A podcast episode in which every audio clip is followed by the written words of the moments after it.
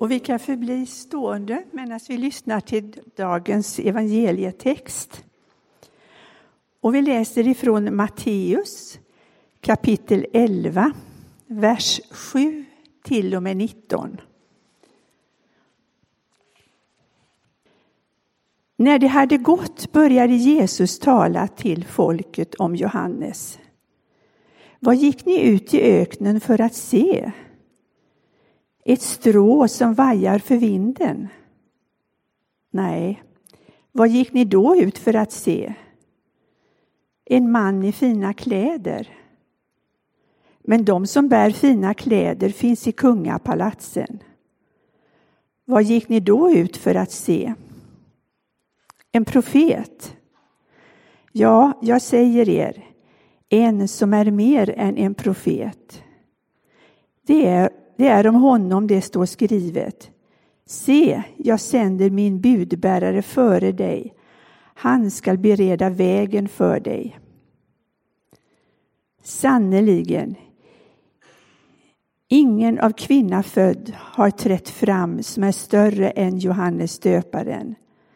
Men den minste i himmelriket är större än han. Sedan Johannes döparens dagar tränger himmelriket fram och somliga söker rycka till sig det med våld. Ty ända till Johannes har allt vad profeterna och lagen sagt varit förutsägelser. Ni må tro det eller inte. Han är Elia som skulle komma. Hör du som har öron. Vad ska jag jämföra detta släkte med? Det liknar barn som sitter på torget och ropar åt andra barn. Vi spelade för er, men ni ville inte dansa. Vi sjöng sorgesånger, men ni ville inte klaga. Johannes kom och han varken äter eller dricker och då säger man han är besatt.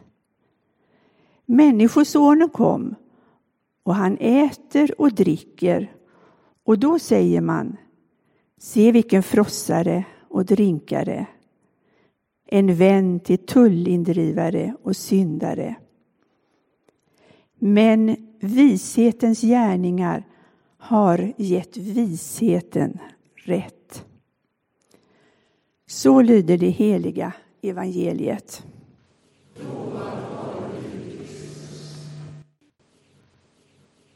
Så ber vi om din hjälp att ta vara på ditt ord denna stund.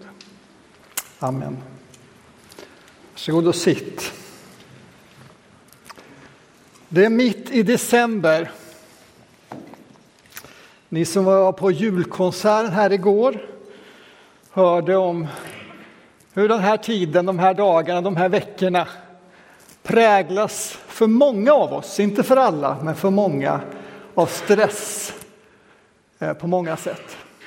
En del känner ju stress över att man väntar på ett besked från Migrationsverket. Andra känner stress för att vi helt enkelt eh, vill och gör för mycket. Någonting som präglar hela året men som kanske får sitt klimax här. Och är du som jag som har samlat på dig en kropp som är stresskänslig, det vill säga där du har krävt mer av kroppen än vad den egentligen förmådde att eh, ge, så känner vi i kroppen att det är sådana dagar och sådana veckor. Och det är väl en paradox som skaver igen och igen, år efter år, att det är så samtidigt som vi sjunger om julefriden. Jag tänkte fortsätta någonting om det sen, men låt mig få börja i ett annat spår. Och det är att om vi läser och följer kyrkans år, texterna som eh, kyrkåret ger oss. Kanske genom våran eh, Saronkyrkans egen bibelapp som eh, tror jag firar två år här i advent. Eh, så läser ju vi om texter som kanske förvånar en och annan av oss. Det är texter som handlar om den stora dagen. Den stora fruktansvärda, ibland brukar uttryckas. Den som eh, vi människan både känner bävan och längtan inför. Och som vi ofta kopplar ihop med Jesu andra tillkommelse. Och om du läser, har läst någonting av dessa texter så kanske du med all rätta ställer dig frågan hur kommer det sig att det är så? Borde vi inte liksom ha lämnat det i domsöndagen där i november och få läsa texter som är lite mer julatmosfär över? Det är en berättigad fråga. Och då skulle jag vilja säga att advent skulle man kunna säga har tre fokus, men med samma riktning. Och de tre skulle kunna vara det här. I advent firar vi att Jesus har kommit. Eller åtminstone väntar vi på att få fira det. Men det andra är att vi väntar på att han ska komma. Och de här två hänger ihop.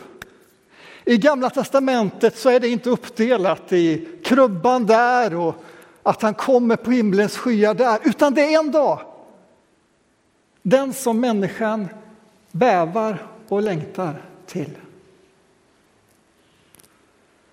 Och så det tredje.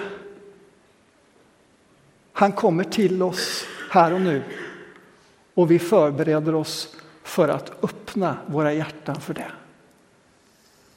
De här tre hänger ihop. Naturligtvis är de väsentliga under hela året men har sin särskilda tyngd nu under advent. Han har kommit, han kommer och han kommer till oss nu. Och när vi läser Bibeln så märker vi att varje gång Gud är färdig för att besöka, att göra någonting med sitt folk så låter han en röst först tala. En röst som Bibeln kallar för den profetiska rösten. Profetrösten kännetecknas av något alldeles speciellt.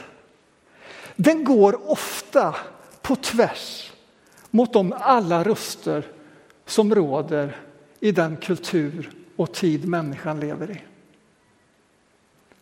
Om omgivningen säger Åh, vart är vi på väg? Är jorden på väg att gå under? Så säger profetrösten om tröst och hopp. Men om omgivningens röster säger allt är väl, det är högkonjunktur, människan står på sin topp och det är ljusa tider framför oss. Så säger profetrösten, se upp nu.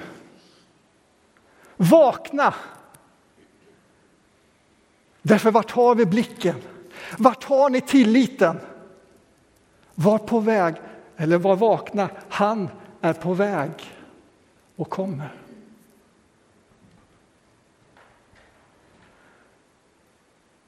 Profetrösten i Gamla testamentet bestod naturligtvis av profeterna. Profeterna som talade ifrån Gud till Israels folk igen och igen.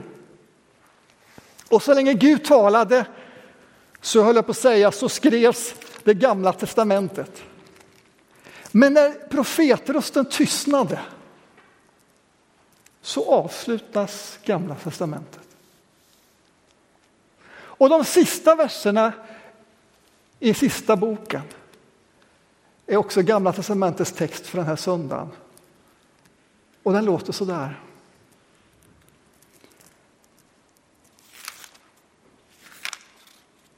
Se, jag sänder profeten Elia till er innan Herrens stora och fruktansvärda dag kommer. Hörde vi det igen? Den där stora dagen. Här säger Gud någonting. Ja, profetrösten, min röst kommer på ett sätt tystna nu. vilket den gjorde i 400 år. Men innan den gjorde det så lovar Gud en sak. Den ska uppstå. Jag ska tala igen. Profetrösten ska på nytt tala. Men ni kommer få vänta. Och så får den rösten sammanknippas med en speciell profet Elia som på något sätt får symbolisera rösten ifrån Gud. Och så går de här 400 åren. Det där kan man läsa om i apokryfiska böckerna. Och så kommer vi fram till Nya testamentet och, och folket är under romarrikets förtryck och allt det där. Och snackisen överallt, ständigt, det är när kommer Gud? Och när får vi höra profetrösten tala igen? Och det var ett ständigt utpekande. Är det han? Eller han? Eller kanske hon?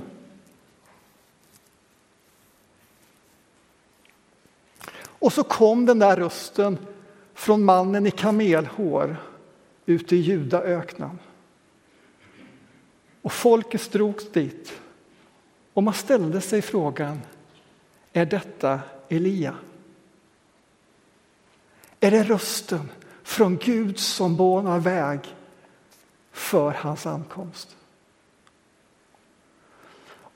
Och texten vi just läste ifrån Matteusevangeliets elfte kapitel så bekräftar Jesus, ja, eh, Johannes döparen är Elia som ni har väntat på. Han är profetrösten, tecknet på att Gud är färdig för att besöka sitt folk. Så är det ju lite ironiskt att han säger det då han själv är Guds besök.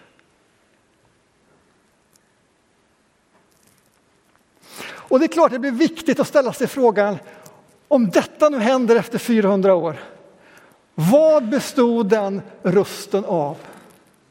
På vilket sätt banade han väg för Guds ankomst?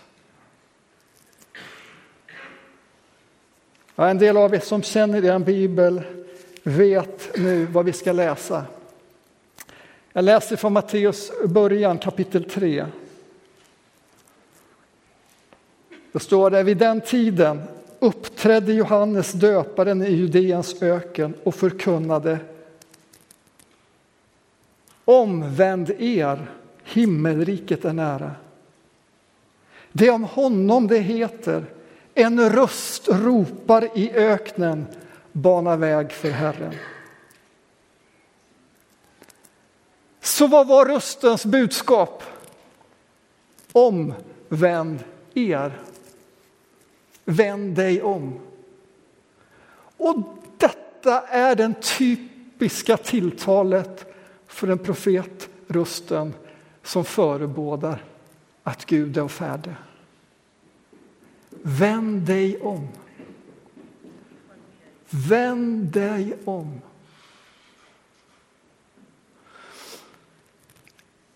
Och då skulle man kunna fundera. Och kanske någon tänker. Men vänta lite Daniel. Står inte du i slutet på gudstjänsterna, du och Elin och andra i prästskjortor och säger så där högtidligt som avslutning Herren välsigne dig och bevara dig. Herren låter sitt ansikte lysa över dig. Herren vänder sitt ansikte till dig. Är inte det hela poängen? Att Gud har vänt sitt ansikte till oss. Var kommer poängen att vända sig till honom? Ja, lyssna. Jag plockar upp ett litet barn som ni får nog se där om ni ska se. Det är barnet i krubban hemma hos oss.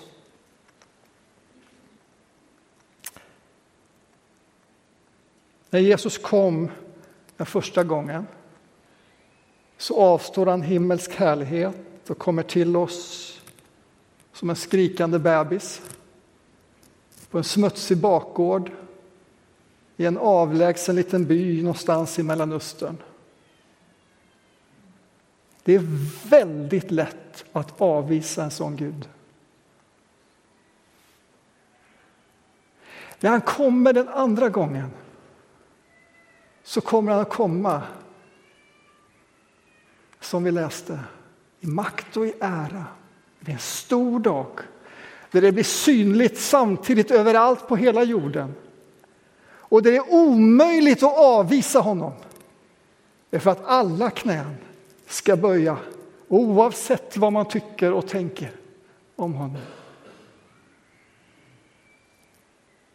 Men vi är inte riktigt där än. Trots att de här ankomsterna hänger ihop så lever vi i det där lilla, lilla mellanrummet. I alla fall ur Bibelns synvinkel. För oss kan det kännas väldigt långt emellan. Vi lever i det lilla mellanrummet och det är fortfarande lätt att avvisa. Och kanske ännu värre, eller lurigare, att avvisa honom genom att förminska honom. Till att just hålla honom till att vara en liten utsmyckning i våra hem. Eller en vacker musikstycke medan vi handlar. Eller en efterlängtad ledighet i varje vintermörker. Det är lätt att förminska honom, den Gud som kommer till oss i ett litet barn.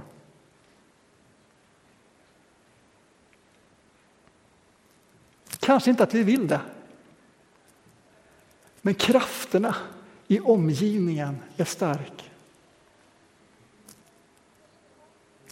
Och om nu kyrkan har satt i tredje advent budskapet bana väg med Johannes döparen som budbärare med budskapet vänd dig om så är inte det en tillfällighet. Det har ett syfte att just nu, just den här tiden, just de här dagarna inför hans födelsedag, inför hans ankomst så behöver vi vända oss om.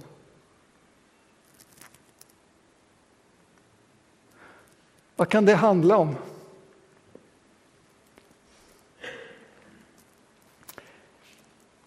Du kan säkert komma på många saker. Men det är här jag skulle vilja knyta an till min inledning. Stressen i min kropp. Men också stressen på vår jord. Det där som vi den här hösten har hört om, känt av mer än någonsin. De hänger ihop. De hänger ihop. Mänskligheten kröker sin rygg och ångesten fyller våra själar under denna börda. Och Bibelns allvarliga budskap in i den situationen det är, tror jag, som jag uppfattar det, att det inte räcker att vända sig om från en skadlig livsstil för våra kroppar eller för vår jord. Eller kanske ännu tydligare, vi förmår inte det. Därför att makterna och krafterna som ligger bakom är starkare och större än vad vi någonsin kan ana. Och just här, den här söndagen, så kommer Bibelns profetiska budskap om att det finns en väg. Inte bara att vända sig från någonting, utan vända sig till någon. Någon som har kommit svag och liten. Som är lätt att avvisa. Någon som har avväpnat makterna som ligger bakom och lurar. Och någon som kommer till oss i makt och ära.